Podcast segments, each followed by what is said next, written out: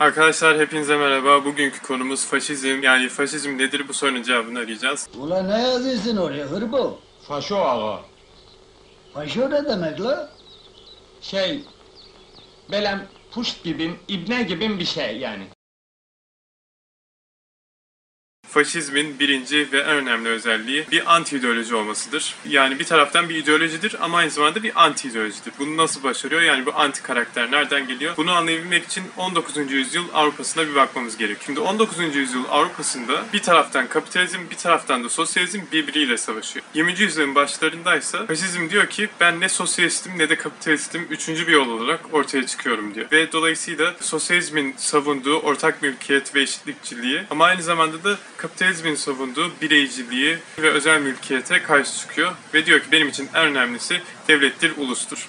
İşte tam bu noktada da ikinci temel özelliğe geçiyoruz. O da faşist ideolojilerde grup aidiyetinin her şeyin önünde yer alması. Bu bahsettiğimiz grup öyle alelade bir grup değil tabii ki.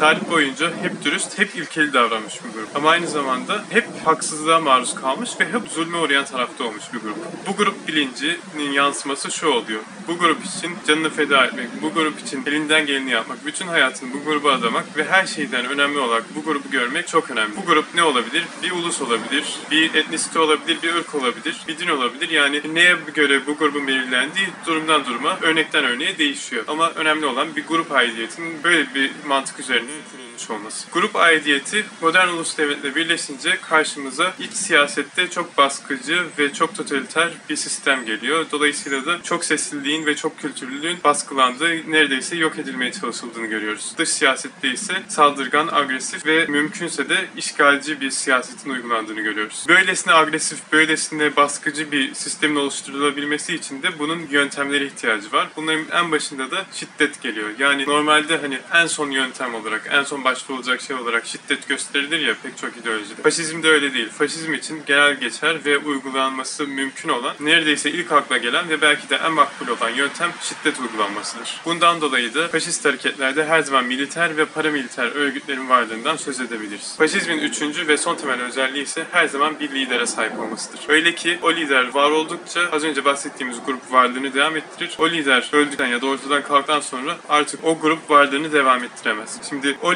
lidere öyle bir misyon atfedilmiştir ki yani o grubun tarih boyunca yaşadığı bir sürü haksızlık, zulüm vardı ya işte onların karşısına geçecek ve adaleti sağlayacak olan kişi o liderdir. İşte dolayısıyla böyle bir misyona sahip olunca lider, o liderin sözleri, o liderin eylemleri neredeyse bir kanun hükmünde görülür ve o lidere hizmet etmek grubun kendisine, grubun bireylerine, grubun hepsine hizmet etmekle aynı anlamı ifade eder. Faşizmi en kısa haliyle özetlemeye çalıştım. Tabii ki eklenecek pek çok nokta bulunabilir. Hatta önümüzdeki videolarda belki onlara da değinme şansı buluruz. Ama son olarak şunu söylemek istiyorum ki 20. yüzyılda faşizmin en güçlü olduğu dönem 1. ve 2. Dünya Savaşları arası dönem. O dönemde faşizmin bu kadar yükselişe geçmesinin temelinde ise bir taraftan 1. Dünya Savaşı'nın verdiği hayal kırıklığı, öbür taraftansa 1917'de Rusya'da gerçekleşen Bolşevik devrimin kendi ülkelerine de sıçrayacağını düşünen halkın korkusuydu. Şimdi bu korku ve hayal kırıklığı duyguları faşist hareketin verdiği yeni ümitler ve vaatlerle birleşince faşist hareket iktidara gelmeyi başardı. Günümüzde de tıpkı 1. ve 2. Dünya Savaşları arasındaki periyod olduğu gibi bir kriz hali içerisindeyiz. Yani geçmiş geride kaldı ama geleceğin ne göstereceği hala belirsizliğini koruyor. Böyle olunca da kendimizi korkulara ve hayal kırıklarına kaptırmamız işten bile değil. Ve böyle bir ortamda da faşist ve neofaşist hareketlerin yükselişe geçmesi de çok normal. Yapmamız gereken belki de kendimizi bu korku ve hayal kırıklıklarına kaptırmamaya çalışmak ve bu tarz hareketlerin vaatlerini ve ümitlerini bir tık öteden izleyip gerekli tedbirleri almaya çalışmak. Arkadaşlar beni dinlediğiniz için teşekkürler. Ee, 5000 aboneye ulaşmamıza çok az kaldı. Abone değilseniz abone olmayı lütfen unutmayın. Hatta arkadaşlarınızla, çevrenizdeki insanlarla da paylaşırsanız kanalımızı mutlu oluruz. İyi günler. Bizi takipte kalın. Önümüzdeki videolarda görüşmek üzere.